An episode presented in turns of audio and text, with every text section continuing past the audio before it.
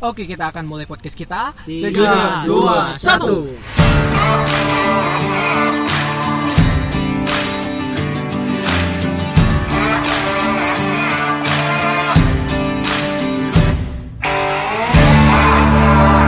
Podcastnya Ngopi ID, ocehan anti mainstream, ocehan berkualitas. Oke, jadi hari ini kita kembali akan uh, membahas isu-isu penting di negara plus 62 ya di tengah situasi pandemi dan juga situasi yang penuh dengan ketidakpastian ya, dikarenakan uh, berbagai macam kondisi yang hadir itu memang memaksa kita untuk uh, berpikir ulang dan juga uh, bersikap dengan bijak.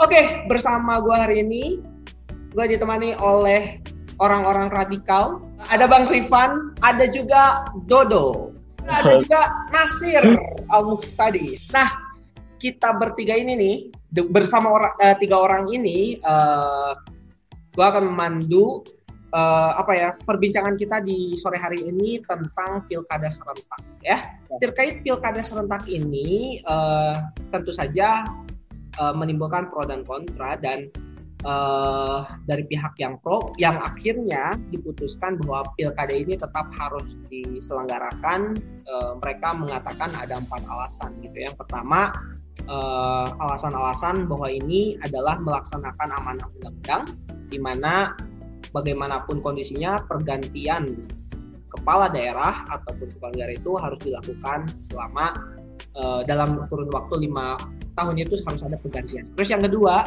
kita nggak tahu katanya kapan COVID akan berakhir. Artinya kalau kita memundurkan pilkada ini, toh belum tentu juga uh, kita tahu bahwa COVID itu berakhirnya kapan.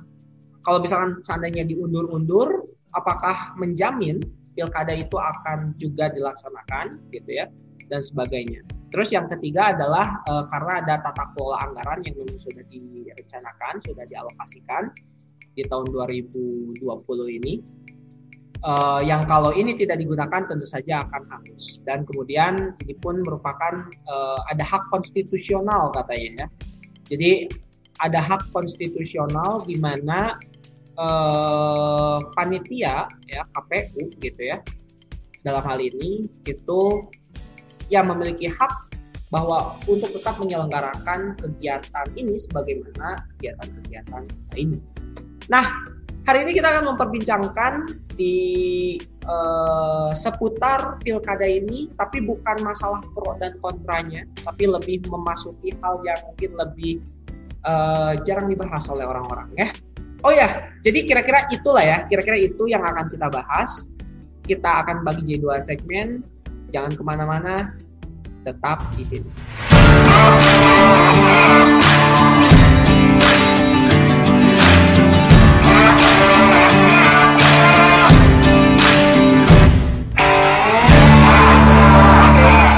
Memasuki segmen satu sekarang. Nah, pertanyaan pertama nih akan dialamatkan sama uh, dua orang radikal mantan aktif mahasiswa di Bandung ini. Gua tanya dulu sama Bang Rifan. Pan. Oke. Okay. Siap ya. Nih, uh, kira-kira kenapa sih pilkada itu dipandang urgent dalam situasi pandemi kayak gini? Ini kan situasinya pandemi, kenapa pilkada tetap dipandang urgent? Oke. Assalamualaikum warahmatullahi wabarakatuh. Waalaikumsalam. Waalaikumsalam warahmatullahi wabarakatuh. Ya, asyhadu la ilaha illallah wa asyhadu anna Muhammad Rasulullah. Ya, uh, saya ucapkan terima kasih kepada Kang Lukman ya yang sudah mengundang saya kembali sebagai salah satu apa ya salah satu podcaster orang yang salah satu orang yang ngomong ya yo Ya, tadi ditanyakan berkaitan dengan apa eh, mengapa pilkada ini dipandang penting atau urgen dalam situasi pandemi saat ini. Nah, eh, saya ingin tanya balik nih, emangnya pilkada ini penting ya? Aduh, ya, ini harus gimana nih? Penting Kira-kira penting berkepentingan mungkin? Ya, jadi kalau kita lihat di di media sosial di tengah-tengah masyarakat memang ada dua kubu yang saat ini membicarakan masalah pilkada ini. Ada yang pro dan ada yang yang kontra. Nah saya pikir uh, pilkada saat ini itu adalah kalau kita lihat secara uh, konstitusi memang harus dilaksanakan ya. Karena memang tadi sudah di, disebutkan berbagai alasan oleh Kang Lukman dengan berbagai uh, alasannya bahwa harus dilaksanakan termasuk uh, Presiden Jokowi juga mengatakan harus tetap dilaksanakan karena ini juga ada ada momen pergantian pemimpin di berbagai daerah. Nah lalu sebenarnya seperti apa kita memandang uh, pilkada ini di tengah situasi yang abnormal ya di, di satu di satu situasi yang hari ini sangat berbeda dengan situasi-situasi sebelumnya, yakni situasi COVID-19. Yang kita tahu bahwa COVID ini menjangkiti hampir seluruh dunia dan hari ini kasusnya sudah melebihi dari 70 juta orang kalau saya nggak salah. Mm-hmm. Nah, jadi uh, berkaitan dengan seberapa penting, saya pikir nggak terlalu penting-penting amat gitu. Kalau saya ya, kalau saya memandangnya tidak terlalu penting-penting amat. Kenapa? Karena ada hal yang lebih urgent harus kita urusi. Apa itu? Pertama, masalah keselamatan masyarakat. Karena hari ini kita lihat, saya pernah baca ya, saya pernah baca salah satu berita. Jadi Bawaslu itu mencatat selama masa pendaftaran peserta pilkada pada tanggal 4 sampai 6 September 2020 itu terjadi sekitar 243 dugaan pelanggaran terkait aturan protokol kesehatan pencegahan COVID-19. Nah, ini pada masa pendaftaran saja sudah ada sekitar ratusan ratusan kasus yang melanggar atau diduga melanggar uh, protokol kesehatan. Nah, ini kan kita sangat khawatir ya. Sangat khawatir berkaitan dengan hal ini. Bahkan kemarin saya juga sempat uh, baca berita itu ada ada apa tuh ada kampanye kalau nggak salah itu tidak mem, tidak mematuhi protokol kesehatan.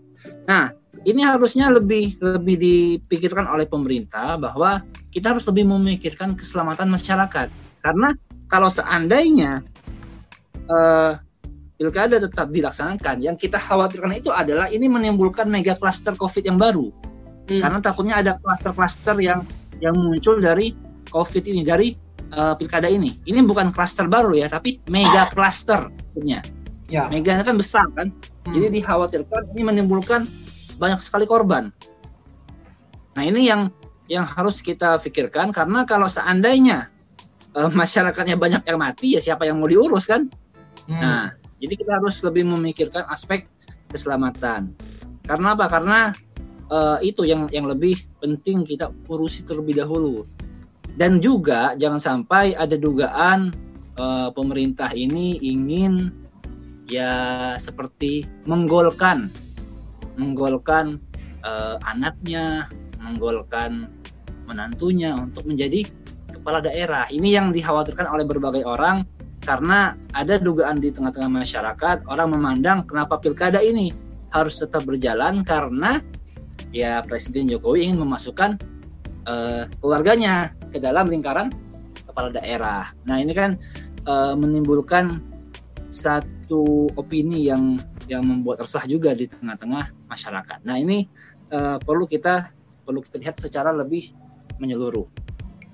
Nah berkaitan dengan dengan hal ini maka uh, saya lebih lebih prefer kepada hal yang tadi ya bahwa kita harus lebih mengutamakan keselamatan masyarakat. Karena hari ini kita ketahui bahwa masyarakat ini kan ya seperti tidak percaya ya terhadap COVID ini. Mereka menganggap bahwa hmm. COVID ini adalah ya konspirasi lah, adalah bisnis lah dan lain sebagainya.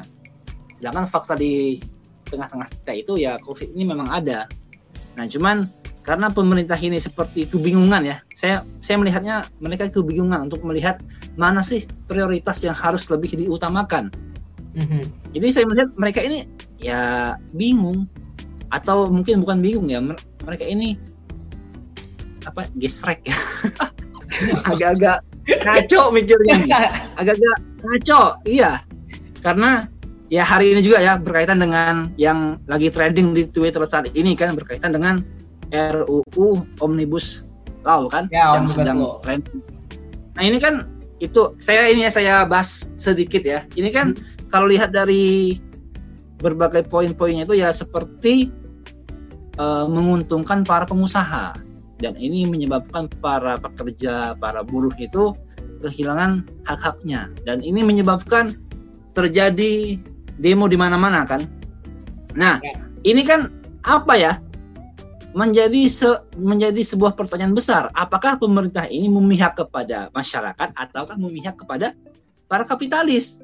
Hmm, ya. Nah, ini menjadi sebuah pertanyaan. Nah, oleh karena itu, balik lagi kepada pilkada tadi bahwa pemerintah itu harus serius melihat mana skala prioritas yang harus lebih diutamakan.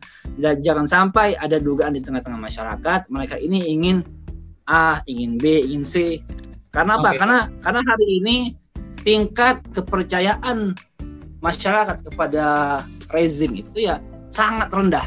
Itu bisa dilihat dari berbagai eh, kebijakan yang mereka keluarkan dan apa dan ada eh, timbal balik dari masyarakat. Oke, Hmm. Kang Lukman, saya pikir Ya. seperti itu dulu awal. menarik padat berisi eh, untuk mengawali saya. diskusi kita Oke, di Assalamualaikum. kali ini ya eh dan tadi disinggung terkait eh, urgensi ya dan apa sih pentingnya buat rakyat kalau kalau misalkan seperti yang betul tuh gue setuju banget. Di baru-baru ini juga kita sedang sorry DPR ya sedang menggodok dan akhirnya undang-undang yang sangat meresahkan para pekerja itu akhirnya disahkan juga kan eh omnibus law ya Eh, bahkan video terbaru berita terbaru tuh beredar video ketika eh, ada dari fraksi apa fraksi salah satu partai yang ada di DPR itu menolak eh, melakukan protes dengan keras gitu mikrofonnya dimatiin dong gitu kan ini luar biasa gitu Iya, itu Jadi mikrofon yang di DPR juga udah dimatiin ya. Iya itu dia. Apalagi suara rakyat. Suara rakyat udah mati sejak lama gitu. Oh iya, betul betul. itu dia. Makanya adanya pilkada itu sebetulnya apakah memang eh, apa namanya tuh? Apakah memang ini berkontribusi positif dengan tren diterimanya aspirasi rakyat atau tidak kan gitu ya? Nah ini pertanyaan berikutnya nih. Eh, nah pertanyaan keduanya. Jadi tadi masih eh, berbicara soal eh dengan adanya kemarin isu tentang eh, anggota dewan dari fraksi beberapa partai yang dimatikan mikrofonnya ketika rapat DPR itu, eh, itu juga akhirnya kan menjadikan pertanyaan buat kita semua, ya, jadi pertanyaan buat kita semua, apakah memang eh, dengan digantinya pemimpin ini kemudian berkorelasi membawakan tren positif untuk diterimanya aspirasi rakyat? Toh tidak kan gitu ya. Jadi nih, ini mungkin pertanyaannya agak klise tapi tetap mesti ditanyain. Gua mesti nanya nih sama Bang Dodo nih, pengamat politik Ngopi ID. Mantap. Mantap. Halo. Eh, apa sih urgensinya buat rakyat pilkada ini? Ini bukan cuma pilkada di masa Covid ya, tapi sebetulnya pergantian. Mungkin maksudnya maksud pertanyaannya adalah eh gue ulangi, pergantian pemimpin itu tuh apa sih urgensinya? Gitu. Baik, eh, Kang Lukman. Jadi eh, menurut gua ya berbicara mengenai pentingnya pilkada untuk rakyat gitu ya tentang pergantian pemimpin. Nah, dalam kacamata demokrasi dan kenegaraan itu itu ada yang namanya hak memilih dan hak dipilih gitu. Nah, tadi di- dijelaskan juga gitu. Salah satu alasan ya. kenapa sih pilkada ini tidak bisa ditunda gitu. Nah itu alasannya itu ada hak konstitusi gitu hak memilih dan hak dipilih. Nah seperti itu gitu. Nah terkait pentingnya buat rakyat itu apa? Nah pentingnya buat rakyat itu adalah rakyat memilih pemimpinnya gitu. Memilih pemimpinnya yang apa ya dalam hal ini dengan pemilu gitu. Nah yang diharapkan dengan pemimpin tersebut itu nanti dapat membawa hak. Kenapa seperti itu gitu?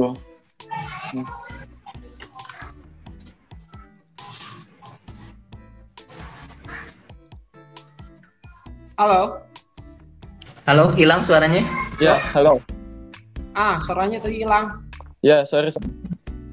Oh iya, sorry. Ya, jadi singkatnya terus seperti itu gitu tentang hak memilih dan hak dipilih gitu. Nah, itu dalam kasa dalam kacamata demokrasi gitu. Rakyat itu memilih pemimpinnya yang mana nanti si pemimpin tersebut itu adalah mengurus dan mengolah eh, mengelola ini keperluan rakyat gitu. Nah, meskipun pada kenyataannya gitu ya, pada kenyataannya itu ya nggak sejalan dengan apa yang di apa ya apa yang telah direncanakan oleh demokrasi tersebut gitu kang.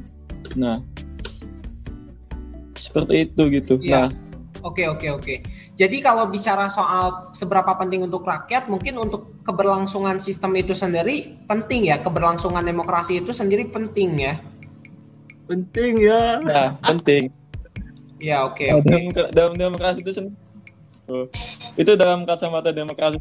Nah, kita belum berbicara mengenai kacamata yang lain nih, gitu. Nah, Hmm. Jadi, tapi benar dong kalau bahkan gitu. kan berarti eh, memang suatu Iya, kebutuhan. Artinya kan kalau kalau ini bicara penting dan eh, tidak, berarti ini sudah masuknya ke ranah bahwa memang memilih pemimpin itu kebutuhan dong. Iya, itu dalam kacamata demokrasi gitu. Namun eh, dalam hal ini gitu, dalam hal ini di di mana pilkada serentak ini eh, dilaksanakan di tengah-tengah wabah itu eh, itu membuat apa ya? Jadi membuat rakyat itu buat rakyat itu ya nggak terlalu penting gitu. Bahkan ada hal yang urgent yang lainnya gitu. Nah, seperti apa yang dikatakan Bang Rifan yaitu apa kesehatan masyarakat. Nah, seperti itu gitu. Hmm. Nah, jadi eh, dalam kacamata Cina penting. Nah, kalau misalkan dalam kacamata rejim, nah tentu eh, ini pun ya hal yang penting gitu bagi rejim itu. Makanya rejim itu seolah-olah apa ya Kang ya? Mohon maaf kasarnya itu adalah tuli gitu. Tuli nggak mau mendengarkan, nggak mau mendengarkan aspirasi rakyat gitu. Bahkan ormas terbesar di Indonesia yaitu NU dan Muhammadiyah. Nah, coba itu mendesak pemerintah untuk melakukan pilkada gitu. Untuk menunda Nah. ya. Bukan bukan Iya, untuk menunda. menghilangkan pilkada tahun ini tapi untuk menunda ya, begitu ya. Kayaknya memang udah tulis sih pemerintah. Dari dulu udah, udah Oh. tulis, nggak ada, nggak nggak pernah mendengar suara kita kan? Mana Iya. pernah mereka dengar? Atau jangan-jangan begini, logikanya begini, jangan-jangan, eh, jangan-jangan dengan digantinya, dengan diadakannya pilkada ini justru supaya digantikan oleh orang-orang yang bisa lebih mendengar. Bisa saja Emang kan? bisa ya? Emang Iya, bisa gitu? Justru itu. ya. Mungkin untuk untuk pendapat yang satu ini kita coba tanyain juga nih ke eh, orang yang mungkin dari tadi udah gatal buat ngomong. Nasir. Waduh. Iya iya iya. Ya jadi kalau Ana lihat ya tadi juga sudah apa namanya disinggung juga oleh Kang Dodo bahwa bahkan eh, organisasi sebesar NU dan Muhammadiyah juga sudah minta untuk ditunda gitu kan. Eh, selain itu ya, jadi selain dari apa namanya eh, NU dan Muhammadiyah, ada juga dari eh, apa namanya LIPI ya. Jadi mereka berpendapat berdasarkan dari apa namanya merekomendasikan gitu ya LIPI merekomendasikan pemerintah untuk menunda pelaksanaan pilkada pada tahun ini karena disampaikan diungkapkan nah ini hal ini di- diungkapkan oleh kepala pusat penelitian Fir- Firman Nur dalam konferensi persnya pada Kamis 1 Oktober gitu ya jadi kenapa eh, apa namanya kenapa harus ditunda gitu menurut LIPI? Karena menurut eh, LIPI pilkada di tengah tingginya angka penularan virus corona dan pandemi bukanlah sesuatu yang bijak dilakukan. Tadi ya eh, kemanusiaan itu lebih penting gitu daripada eh, apa namanya eh, pergantian roda kepemimpinan kan gitu. Tapi bukan berarti dengan ditundanya kepemimpinan ini kan berarti bukan berarti gak ada pemerintah yang memegang kekuasaan kan tetap ada kan gitu yang pemerintahan sebelumnya gitu. Cuman dengan kondisi yang eh, darurat seperti ini eh, apa namanya tidak perlu segera diganti gitu walaupun memang sudah jadwal misalkan ya. Yang yang penting apa namanya tetap ada eh, apa namanya ya pemerintah yang bisa menjalankan regulasi-regulasi gitu. Nggak mesti selalu harus diganti baru jalan gitu. Seperti itu paling ah oke okay, oke okay, oke okay, oke. Ya ini pun sebetulnya jadi serba ini ya sebenarnya uh, setiap elemen itu sama-sama uh, punya argumentasi yang kuat. Ini pun akhirnya uh, seperti yang dirilis di Tempo nih contohnya.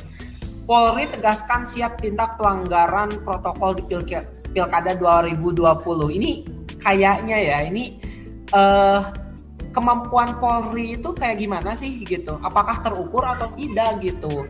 Ya, karena kalau kita bicara soal pilkada itu uh, alur apa alur-alur pelaksanaannya itu kan nggak cuma orang datang ke TPU terus kemudian coblos. Mungkin kalau untuk hal itunya oke okay ya. Tapi kan yang terjadi sekarang itu bahkan sudah terjadi beberapa tempat partai petahana, contohnya salah satu petahana yang memang uh, mengadakan konser gede-gedean meskipun pakai masker tapi itu kan apa semuanya apa semuanya ada di sana tuh. Itu aja udah yeah, udah yeah. terjadi sebetulnya sekarang. Jadi sebetulnya kalau kita mau bicara mengadakan pilkada sekaligus uh, sekaliber Amerika Serikat pun gitu ya ya pandangannya ya sudah kalau ada yang dapat covid ya itu sudah resiko gitu. Itu harga yang mungkin harus dibayar tanda kutip ya harga yang harus dibayar gitu kayak begitu. Oke, okay, uh, eh, Bang Rifan, nih menurut uh, lu nih Bang, ya. Polri bilang uh, akan menindak tegas siapa pun yang melanggar uh, apa namanya protokol kesehatan ketika pilkada kan. Nah, hmm. cuma masalahnya kapabilitas gitu ya, kapabilitas Polri memungkinkan atau tidak. Toh pada pada akhirnya pilkada itu kita tahu itu adalah uh, rangkaian ya rangkaian acara. Ada yang bukan ya kalau misalkan hanya masuk ke TPU kemudian satu persatu itu oke. Okay. tapi kan pada faktanya yang sekarang sudah terjadi tadi sempat dibahas uh, adalah toh orang-orang itu rempuk uh, tumpah ruah ke satu tempat karena ada apa? Karena ada kampanye gitu Iya. Gak lepas dari iming-iming uh, nasi bungkus, entah ya nasi bungkus, politik uang dan sebagainya itu masih ada. Biduan, biduan. Itu re, re, re, realnya ada gitu. Ya maksudnya ibu-ibu ngapain sih pakai baju partai terus kemudian datang ke konser di kondisi kayak gitu oh. apa kurang kerjaan gitu ya yeah, kalau yeah, bukan yeah. karena ada cuan sepuluh ribu seratus ribu gitu kan nah itu gimana tuh terukur nggak Ya, uh, pertama saya uh, mengatakan bahwa saya pikir Polri punya kemampuan ya, karena kita lihat hari ini Polri memiliki banyak sekali personil yang yang ready untuk mengawal pilkada. Hmm. Yang kedua, ini masalahnya adalah ketika kita dihadapkan pada pilkada, biasanya ya di masyarakat itu ya kan uh, pasti ngumpul kan, nggak mungkin mereka itu ya saling pisah, nggak mungkin satunya di di tempat A satu di tempat B kan ya agak sulit. Karena kan salah satu untuk menarik suara masyarakat itu dengan mengumpulkan massa kan? Nah cuman masalahnya ini pilkada itu terjadi di zaman covid di zaman di mana eh, kesehatan itu sangat sangat mahal. Bahkan orang-orang yang sudah terkena pun akan eh, punya potensi untuk meninggal kan? Nah Terus uh, bahwa Polri pernah mengatakan juga ya bahwa mereka akan menindak tegas ya berkaitan dengan siapa pun yang melanggar uh, protokol kesehatan. Nah ini saya sangat mendukung, sangat mendukung untuk menindak tegas. Cuman masalahnya ketika uh, menindak tegas itu harusnya tidak melihat orangnya siapa. Nah saya mengkhawatirkan ketika yang melanggar itu adalah orang-orang yang punya backingan ya tanda kutip backingan kuat ini kan masyarakat bisa menilai. Nanti ada yang menilai wah si Polri mah ini eh pilih kasih nah Polri mah nggak nggak ini nggak nggak apa tuh nggak menindak semua. Karena faktanya memang terjadi seperti itu. Kan kalau kita lihat postingan di divisi humas Polri itu yeah, dikat, yeah. dikatakan bahwa ya mereka siap menindak tegas ya orang-orang yang melanggar. Tapi kan faktanya di lapangan kan ya berbeda. Nah inilah yang semakin menimbulkan uh, tingkat kepercayaan masyarakat kepada kepolisian juga semakin menurun. Iya, iya. Nah ini uh, yang saya khawatirkan ini bisa men uh, menyebabkan uh, clash nanti di di grassroots ya yang saya khawatirkan. Sedangkan yang para elit-elit ini ya sibuk main aja di atas. Mereka nggak mikirin rakyat, nggak mikirin apa pun. Yang penting ketika ada jalan, gue bisa hidup, lo mati nggak apa-apa juga ya, gitu kan. Nah, jangan sampai seperti itu. Ya, ya, oke. Karena ya. karena Polri ini kan uh, kalau kita lihat tren tren kepercayaan ke mereka itu ya menurun kan karena di, disebabkan ada yang menduga Polri ini uh, main juga tanda kutip main juga di dalam pemerintahan dengan dengan adanya banyak sekali uh, apa tuh jenderal-jenderal kepolisian yang mendapatkan jabatan kan di Hmm. pemerintahan. Iya, iya, Nah, iya. ini seharusnya menjadi ajang bagi bagi Polri untuk membuktikan kepada masyarakat bahwa mereka itu adalah uh, lembaga yang independen, bukan lembaga yang disetir sana sini oleh para cukong, para antek-antek dan para yang pemu- yang mempunyai kepentingan. Karena karena yang yang masyarakat hari ini ya, kalau saya lihat masyarakat itu ya menganggap Polri itu sebagai eh, ini kayak apa ya, kayak eh, kayak musuh gitu contoh kecil ya contoh kecil masalah eh, misalnya polantas nih mas masyarakat kan kayak banyak yang ini ya banyak yang eh, nggak seneng. Padahal Iya, kan iya. padahal Polri itu sejatinya ya orangnya banyak yang baik kan? Banyak yang baik. Iya, cuman iya. ada ok- oknum-oknum yang oknum-oknum tertentu yang memanfaatkan eh, kepolisian ini untuk untuk mendulang jabatan untuk men- mendulang eh, tanda kutip cuan gitulah nah ini eh, saya saya pikir eh, Polri harus sikap netral ya. Balik lagi ke pertanyaan tadi menindak semua yang yang melanggar protokol kesehatan karena apa? Karena ya hari ini kan sudah disahkan ya pilkada tetap jalan kan. Nah karena pilkada tetap jalan ya mereka mau nggak mau ya harus harus mengatur kan, mengatur Iya, iya. pilkada itu. Hmm. Paling segitu bang dari saya. Oke. Saya mau menambahkan boleh nggak nih? Boleh, boleh, boleh, boleh, boleh.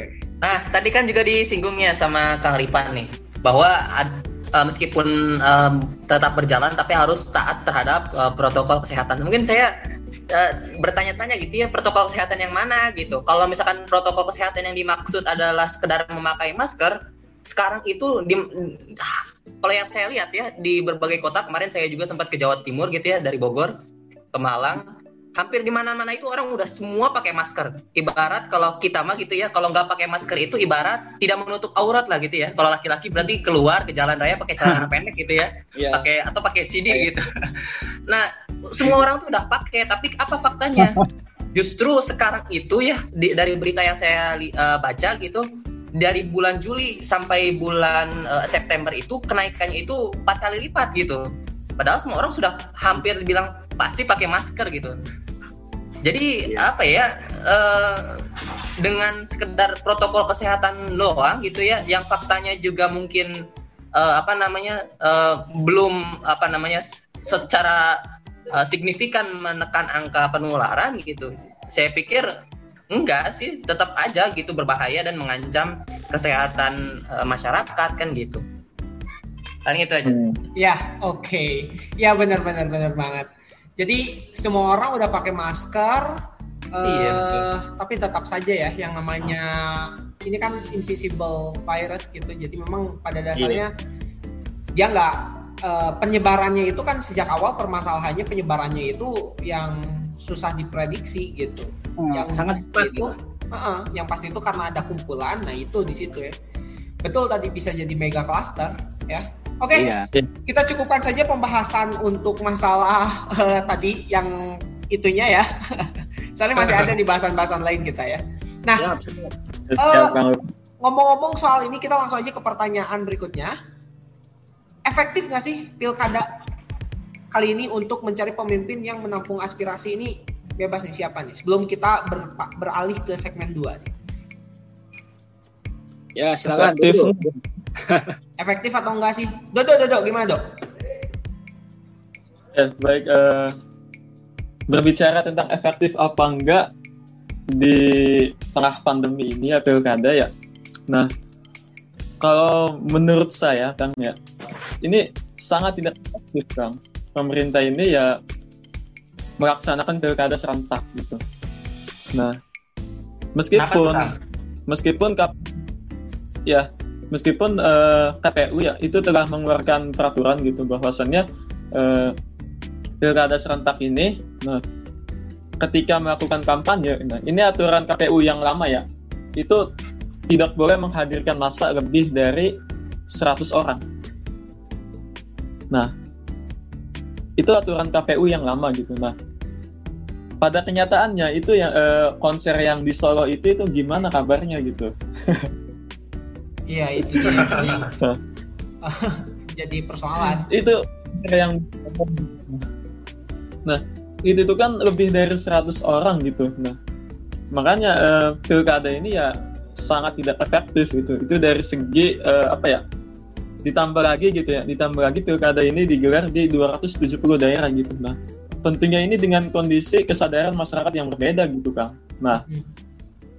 ya nggak iya betul nah, betul jadi uh, ya bahkan uh, saya dapat uh, dapat informasi gitu calon kepala daerah Bontang kalau nggak salah calon kepala daerah Bontang itu itu wafat gara-gara positif COVID gitu. Nah, hmm, hmm, hmm, coba. Sudah ada. Nah, gitu. Nah, kalau misalkan e, berbicara efektif pilkada kali ini ya sungguh sangat tidak efektif gitu. Ditambah lagi dengan ini kita berbicara dari segi pembiayaan gitu ya, dari segi pembiayaan pilkada gitu. Nah, ini e, menurut Menteri Keuangan Sri Mulyani ini mengatakan bahwasannya anggaran pilkada itu yang tadinya dialokasikan 15,23 triliun. Nah, dan ini didanai oleh uh, eh, APBD daerah ya. Anggaran pendapatan belanja daerah. Nah, itu naik kan menjadi 20,46 triliun. Nah, dengan kenapa bisa naik? Nah, itu karena adanya kebutuhan protokol kesehatan. Nah, jadi seperti itu gitu. Nah, itu kalau misalkan berbicara efektif ya tentu uh, ormas sekelas NU dan Muhammadiyah itu pasti uh, sepakat gitu kalau misalkan tidak ada ini efektif. Namun pada kenyataannya kan ormas besar tersebut dan elemen masyarakat lain itu adalah menolak pilkada gitu. Ya ya ya. Seperti itu. Gitu. Nah, Intinya nah, mungkin gitu. kita bisa petakan yang tidak berkepentingan ngapain sih gitu ya. Hmm. Tapi nah, kalau yang berkepentingan ya gimana lagi kan kepentingan. Yeah. Ya betul tadi uh, apa ya? Memang pasti jadi kebutuhan yang di luar sebetulnya kalau kalau tadi salah satu alasan uh, kenapa pilkada tetap harus ada itu adalah uh, bahwa karena sudah dianggarkan ada tata kelola anggaran gitu ya. Yeah. Oh pada dasarnya di kondisi covid ini mengharuskan adanya dana tambahan anggaran tambahan, nah hmm. itu jadi masker kah, entah itu jadi hand sanitizer atau apa pun itu ya. Yang jelas kan pasti berbeda kondisinya. Seperti itu. Oke. Okay. Ya. Yeah. Nah, kita sudah panjang lebar uh, bicara soal pilkada nih ya. Uh, karena itu kita cukupkan dulu untuk segmen pertama ini dan uh, kita akan balik lagi ke segmen berikutnya.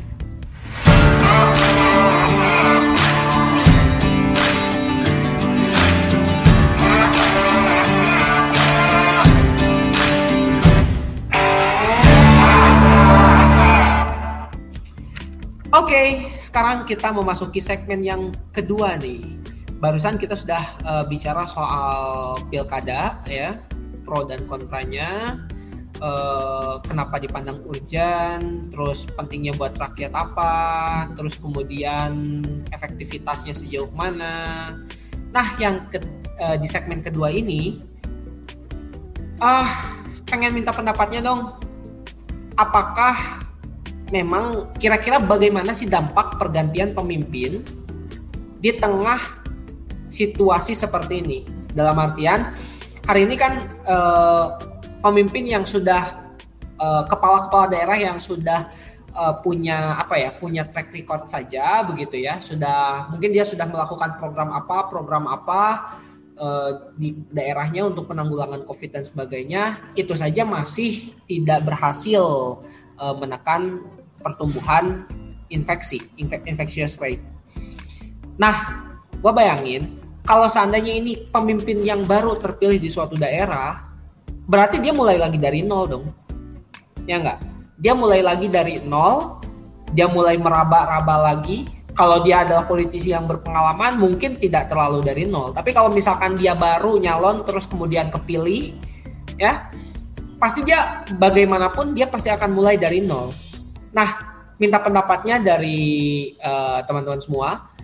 Kira-kira dampak seperti apa yang mungkin akan uh, terasa dalam pengaturan urusan uh, terhadap ur, uh, pengaturan urusan masyarakat ya di era pandemi ini gitu kira-kira akan memberi dampak yang justru malah jadi tren positif kah atau negatif kah? Positif dalam artian oh karena mungkin ini orang yang baru terpilih itu lebih semangat gitu ya, jadi dia akan lebih care sama rakyat mungkin atau justru ya. malah akan meraba-raba. Kira-kira akan seperti apa nih? Uh, mending tanya dulu ke Rifan deh ya. Pan gimana. Pan menurut Rifan?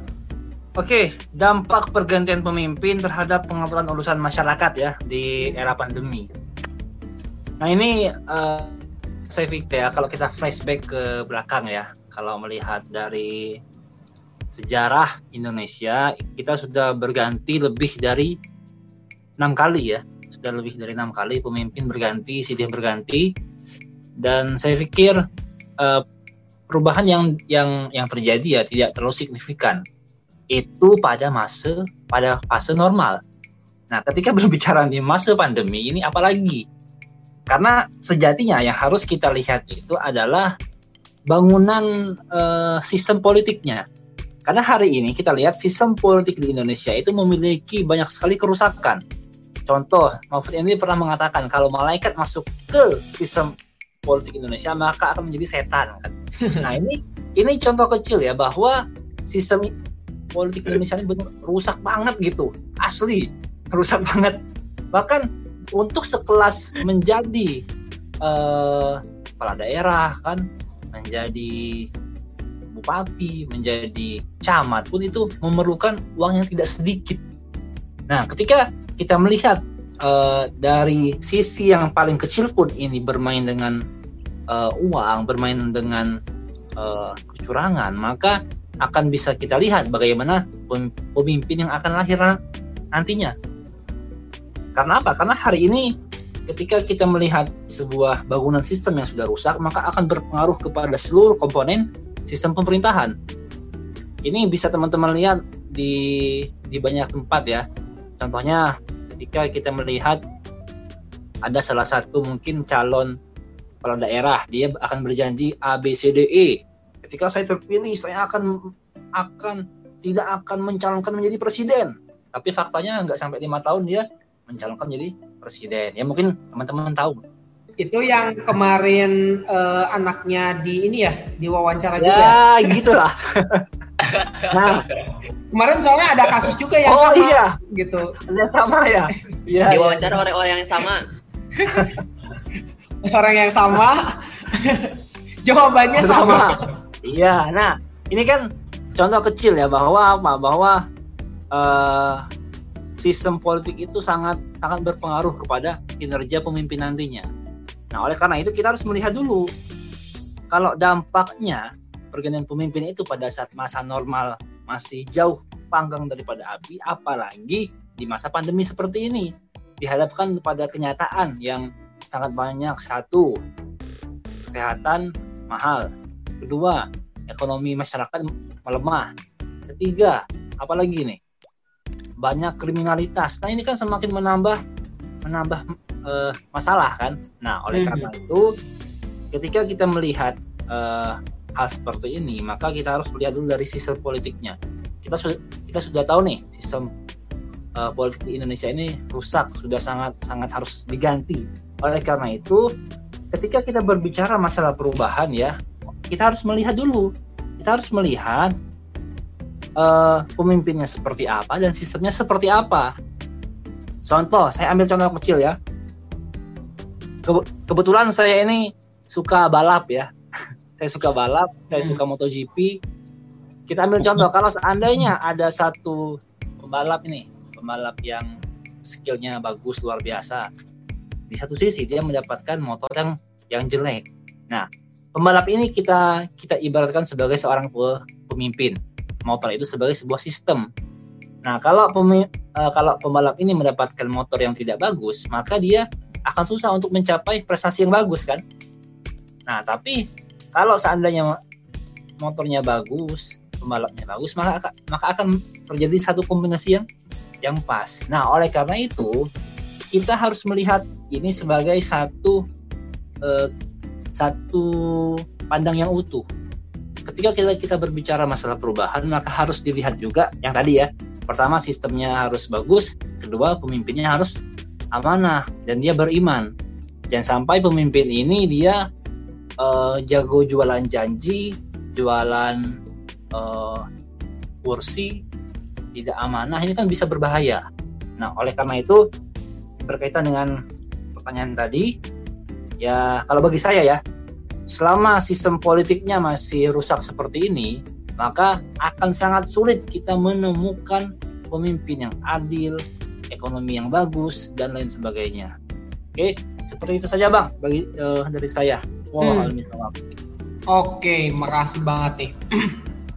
Jadi memang pada dasarnya uh, struktur bangunan dalam demokrasi itu sendiri yang uh, apa ya membahayakan membahayakan ya maksudnya artinya membuat orang tuh membuat kita tuh jadi tidak bisa berpikir secara adaptif gitu karena uh, masih menimbang sesuatu itu menitik beratkan pada apakah ada kemanfaatan ataupun tidak gitu ya. Jadi kalau misalkan bermanfaat dipandang bermanfaat ya uh, maka itu harus dilakukan. Makanya memang muncul juga nih uh, beberapa waktu lalu baca headline dalam sebuah media online. Judulnya begini nih pilkada di tengah pandemi demokrasi tak boleh mati gitu jadi ketika baca judul itu langsung kepikiran gini nih. Oh oke okay, pilkada di tengah pandemi demokrasi nggak boleh mati. Kalau rakyat mati nggak apa-apa gitu ya gitu kan. Jadi Waduh. ini hal yang apa ya ini hal yang absurd gitu ya. Dan ternyata sebabnya itu memang dari uh, apa bangunan sistem demokrasi itu sendiri oh. ya nah jadi kita langsung kalau misalkan mau bicara perubahan sebetulnya apakah dengan pilkada saja dengan pergantian pemimpin saja cukup atau seharusnya kalau kalau mau bicara lebih fundamental nih bang soal uh, perubahan. Apa sih yang harusnya dibicarakan? Mungkin dari Nasir dulu kali ya.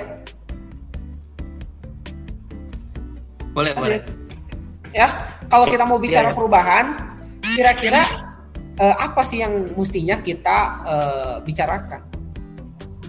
Ya, jadi uh, kalau yang saya pahami ya, kalau misalkan perubahan itu pertama harus di bangun dari perubahan berpikir dulu gitu ya. Perubahan cara berpikir bagaimana kita memandang sesuatu uh, itu harus berubah juga gitu. Karena kalau uh, pandangan kita terhadap uh, apa ini ya mungkin kalau di bahasa gaulnya mah inilah ya bahasa ininya mah ideologi gitu ya. Jadi ketika kita memiliki uh, ideologi yang memandang bahwa kehidupan itu hanyalah untuk mencari keuntungan ya. Mencari uh, apa namanya uh, hanya mencari uang saja gitu atau uh, mencari hal-hal duniawi saja gitu. Maka tidak aneh gitu melihat keputusan-keputusan yang uh, sangat merugikan masyarakat banyak gitu.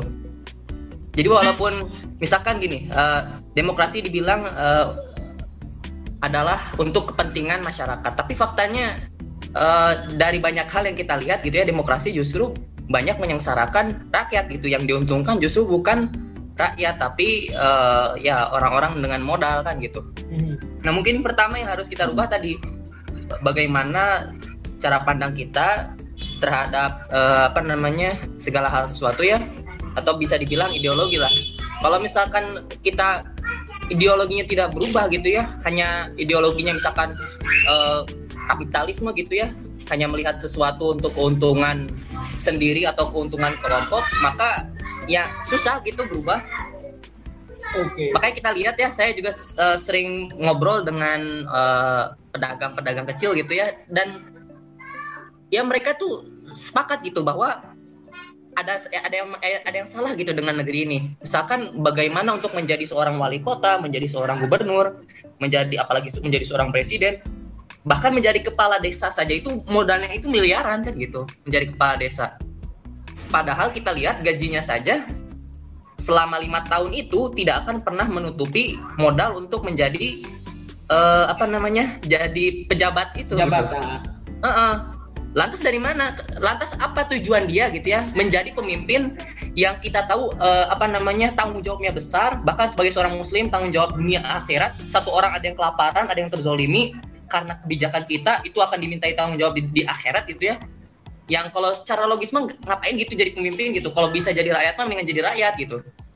Nah tapi sekarang kenapa sekarang berlomba-lomba dengan modal yang sangat besar itu uh, pengen jadi pejabat? Karena pengen mencari keuntungan dari mana? Entah dari uh, apakah nanti ada uh, uh, perjanjian atau kerjasama dengan pengusaha yang akhirnya mengeksploitasi uh, sumber daya atau segala macam atau misalkan dari nanti apakah korupsi atau sebagaimana.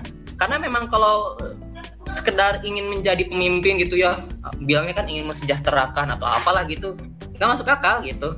Dengan modal segitu dan gajinya segitu gitu itu masuk hitungan ya nggak masuk uh, nggak nggak nggak nggak masuk lah gitu pasti harus ada uh, apa namanya manuver-manuver kotor gitu ya untuk um, kembali modal gitu bahkan nggak cuma kembali modal pasti udah ada capek-capeknya nggak mau lah sekedar kembali modal gitu pasti ingin keuntungan untuk tujuh keturunan kalau perlu gitu.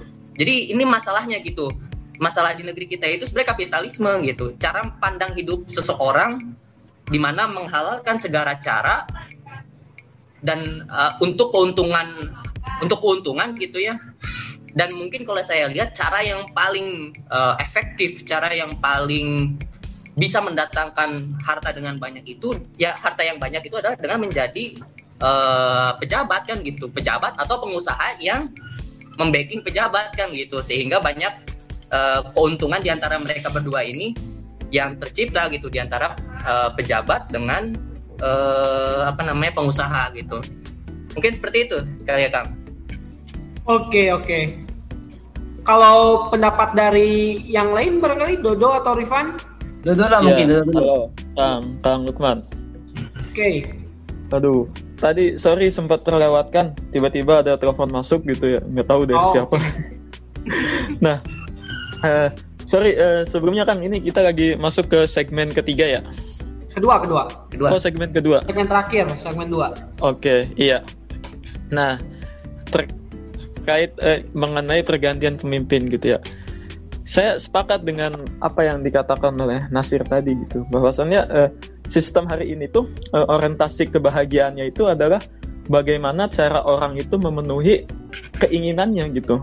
Nah, jadi uh, orang dalam sistem kapitalis itu yaitu bagaimana mereka itu berlomba-lomba mencari sarana atau prasarana untuk memfasilitasi keinginannya gitu kan. Nah, makanya mhm. wajar jika orang dalam sistem ini tuh ya ya sibuk misalkan sibuk mencari duit, sibuk dengan pekerjaannya. Nah, itu tuh semata-mata untuk apa? Ya untuk bagaimana memenuhi keinginannya dan keinginan itu tersebut itu uh, adalah kebahagiaan bagi mereka gitu, kebahagiaannya gitu. Nah, begitu. Oke. Okay. Nah, eh, ini terkait mengenai pilkada kan ya. Nah, justru kalau misalkan di pilkada ini apa ya pergantian pemimpin ini akan berdampak hal yang positif. Nah, jujur saya pesimis gitu. Nah, terkait dengan sistem yang ada gitu, apalagi ketika ingin jadi pemimpin itu membutuhkan biaya yang sangat besar gitu. Nah,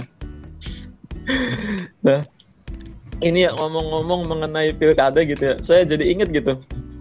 Uh, kemarin itu ada yang menyampaikan ke saya gitu, Kang, mau nggak jadi panitia pilkada gitu? Waduh, orang dalam. Lumayan itu. Ada yang menyampaikan ya. sekarang gitu. Ambil kesempatan Iya, lumayan duitnya. Cuma keberadaan di sini jadi menyalahi kode etik. Oh iya betul. ada yang eh, terkait itu gitu. Ditambah lagi dari keluarga itu ada yang mencalonkan diri menjadi eh, calon kepala desa gitu. Nah, Nah, lebih seperti tahu itu lagi gitu. nih. Nah, terkait iya, saya udah diwanti-wanti untuk mengarahkan anak-anak muda di sini gitu. Wah, aduh. Oke. Ini Iya, kan iya. terkait pilkada gitu ya. Apalagi eh, sejarah itu kan telah mencatat dengan rapi bahwasanya selama masa pilkada atau pemilu itu bahkan tidak menghasilkan apa pun untuk rakyat gitu kecuali janji manis mereka gitu. Nah, ya Hmm. halo. Ya.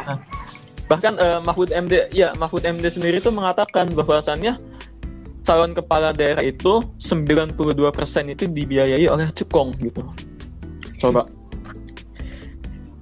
Jadi wajar kalau misalkan eh, mereka terpilih gitu ya dan jadi pemimpin, nah rakyat itu diselingkuhi dengan cukong gitu. Nah ini yang patut kita curigai gitu. Bahwasannya ya wajar juga kalau misalkan DPR hari ini adalah mengesahkan undang-undang omnibus law gitu. Nah Ya. apalagi eh, apalagi eh, artikel yang pernah saya baca itu kalau nggak salah itu 45% anggota DPR itu merangkap menjadi pengusaha gitu. Coba. Ya, ya. Iya, merangkap jadi pengusaha gitu. Nah, jadi eh, sangat tidak mungkin Kang kalau misalkan dengan adanya pergantian pemimpin ini bisa diraih perubahan gitu. Apalagi perubahan itu diraih selama lima detik di lima detik berada di bilik suara gitu. Lima menit lah, lima menit jangan lima detik. ya. Buat Oh, Melakukan Lima vandalisme menit, lima ya. menit cukup. Iya. Sangat tidak mungkin gitu ya pilkada itu bisa apa ya bisa menghasilkan pemimpin yang baik gitu. Ya, oke. Nah. oke, oke, oke. Sip. Oke, ya kan. Oke, lanjut ya Siap. ke Rifan. Jadi Siap. tadi sudah disampaikan eh, ya pendapat dari dua kawan-kawan kita ini nih di sini ya bahwa Ya. Bicara perubahan bicara apa sih toh pada akhirnya dengan pilkada itu mustahil gitu ya bukan Ya. cuma pilkada malah juga mungkin pilpres gitu ya jadi kalau Hmm. gitu mesti gimana nih Ka- kalau bicara perubahan mesti gimana sih nih sebagai ya sebagai Rifan gitu Ya, kalau kita berbicara perubahan, maka kita harus melihat sebuah solusi ya. Nah, kita lihat bahwa di dunia saat ini, kalau kita lihat banyak sekali negara-negara yang menggunakan ideologi-ideologi tertentu untuk mengatur negaranya. Nah, dan kalau kita lihat sekarang ada dua ideologi besar yang berkuasa ya. Pertama kapitalisme dan yang kedua sosialisme. Dan ini dijadikan eh, solusi bagi mereka. Nah, ternyata ada yang kelupaan. Kalau kita melihat dari dari ide- ideologi, maka ada juga sebuah solusi yang lain. Apa itu? Nah, berbicara member- eh, masalah solusi, maka harus dilihat dari perspektif Muslim, ya. Saya sebagai seorang Muslim selalu mengatakan bahwa agama saya itu memiliki seperangkat aturan yang mengatur hubungan kita dengan Allah, hubungan kita dengan sesama manusia, dan hubungan kita kepada diri kita sendiri. Oleh karena itu, Islam itu memiliki semua solusi untuk kehidupan kita. Mulai kita dari bangun tidur, kita mau masuk WC, sampai kita tidur kembali. Termasuk juga dalam eh, mengurus urusan pemerintahan. Nah, oleh karena itu, ketika kita flashback ke belakang sekitar eh, mungkin 14 abad yang lalu ya, ketika Rasulullah SAW mendirikan daulah Islam di Madinah, maka itulah yang seharusnya kita jadikan contoh sebagai kenegaraan, sebagai sebuah sistem pemerintahan. Karena kalau berbicara solusi, itu kita harus mengambilnya dari Islam karena kita seorang Muslim dan dari sejarah pun mengatakan ketika Islam itu dijadikan sebagai way of life ya, sebagai pandangan hidup, sebagai sebuah aturan hidup, maka dunia ini akan mendapatkan kebarokahan dan kebarokahan itu tidak hanya untuk kaum muslimin tetapi juga untuk orang non muslim. Jadi dulu ketika Rasulullah membangun sebuah negara Islam di Madinah itu tidak hanya orang Islam, ada orang Yahudi, ada juga orang Nasrani dan lain sebagainya. Nah, ini menunjukkan bahwa Islam itu sebagai agama yang rahmatan lil alamin. Oleh karena itu, ketika berbicara sebuah perubahan, sebuah solusi, maka harus dikembalikan lagi kepada Islam. Oke, kalau tidak ada ya, kalau ada yang tidak setuju dengan Islam, oke, ayo kita diskusi, ayo kita diskusi, kita tukar pendapat dan kita ambil sebuah solusi yang yang tepat. Karena saat ini dunia itu diliputi awan gelap ya, diliputi awan gelap yang sangat gelap. Mereka ditutup ditutup ditutup tutupi oleh sebuah sebuah fakta yang terjadi bahwa uh, orang kaya di dunia ini itu sedikit dan mereka menguasai banyak sekali sumber daya alam yang ada di di dunia. Mungkin kita lihat hari ini cuacanya cerah, tapi jiwa orang itu pada sepi semua. Karena apa? Karena karena mereka itu dihadapkan pada satu kondisi yang abnormal mereka untuk mendapatkan makan susah untuk mendapatkan kesehatan yang yang layak susah untuk mendapatkan pendidikan yang gratis dan berkualitas juga susah. Nah oleh karena itu harus didapatkan sebuah solusi. Solusi apa? Ya Islam tadi. Karena tidak ada solusi lain yang bisa mengatur urusan seruat ini ya seruat ini kecuali dengan Islam. Nah hmm. oke. Okay. Kang Lukman, saya pikir seperti itu saja uh, pandangan saya. Wow, wow sawab. Oke, oke. Wah, banyak ternyata tidak terasa kita sudah di sekitaran nyaris satu jam atau mungkin juga lebih ya. Kita sudah berbicara soal pilkada ini sampai pada tadi pembahasan tentang uh, bicara soal perubahan. Mungkin uh, apa? Coba sedikit diambil poin-poinnya ya tadi jadi ketika kita bicara soal seolah-olah pilkada ini menjadi sesuatu hal yang urgent itu sebetulnya uh, tidak lepas dari cara pandang orang yang memandang urgent itu sendiri ya. Karena mungkin berpikir dengan pilkada inilah momentum untuk menciptakan suatu perubahan. Dengan pergantian pemimpin akan ada suatu perubahan. Tapi toh pada faktanya tidak sesederhana itu ya. Karena perubahan itu sendiri uh, apa ya tercipta ya. Tadi kalau mungkin uh, dari pendapatnya Nasir itu karena pemikirannya gitu kan dari pemikiran orang-orang terus tadi juga dari Dodo dan Rifan itu berbicara soal bahwa faktanya realitasnya tidak seperti itu. Kondisinya di lapangan uh, ketika pemimpin itu naik toh tidak langsung me, me apa ya me, me, mengambil aspek me, mewakili aspirasi rakyat tidak seperti itu. Karena apa? Karena adanya pihak-pihak eh, apa? Pihak-pihak berkepentingan yang yang mengantarkan para pejabat-pejabat itu sehingga ketika mereka berkuasa pun akhirnya eh, menjadi corong ya menjadi eh, perwakilan dari aspirasi para cukong gitu ya para cukongkah atau para pengusaha kah gitu ya. Nah dan solusinya adalah yang memang tadi uh, kita harus kembalikan lagi pada cara pandang yang benar ya. Jadi bicara perubahan bukan hanya bicara soal pergantian pemimpin tapi bicara sesuatu yang lebih fundamental yakni bicara soal bagaimana sih uh, kita tuh harusnya diatur dalam kehidupan. Kita bicara soal Islam ya. Wede, akhirnya beres juga nih podcast kita pada sore hari ini, perjumpaan kita hari ini untuk terakhir barangkali uh, mungkin ini salah salah urutan ya tapi uh, jangan lupa untuk selalu tongkrongin podcast kita ya uh, dengan tema-tema uh, terkonteks lainnya. Tetap ikuti Ngopi ID ya di Instagram @ngopi_id dan juga kalau di YouTube ada kajian opini ya.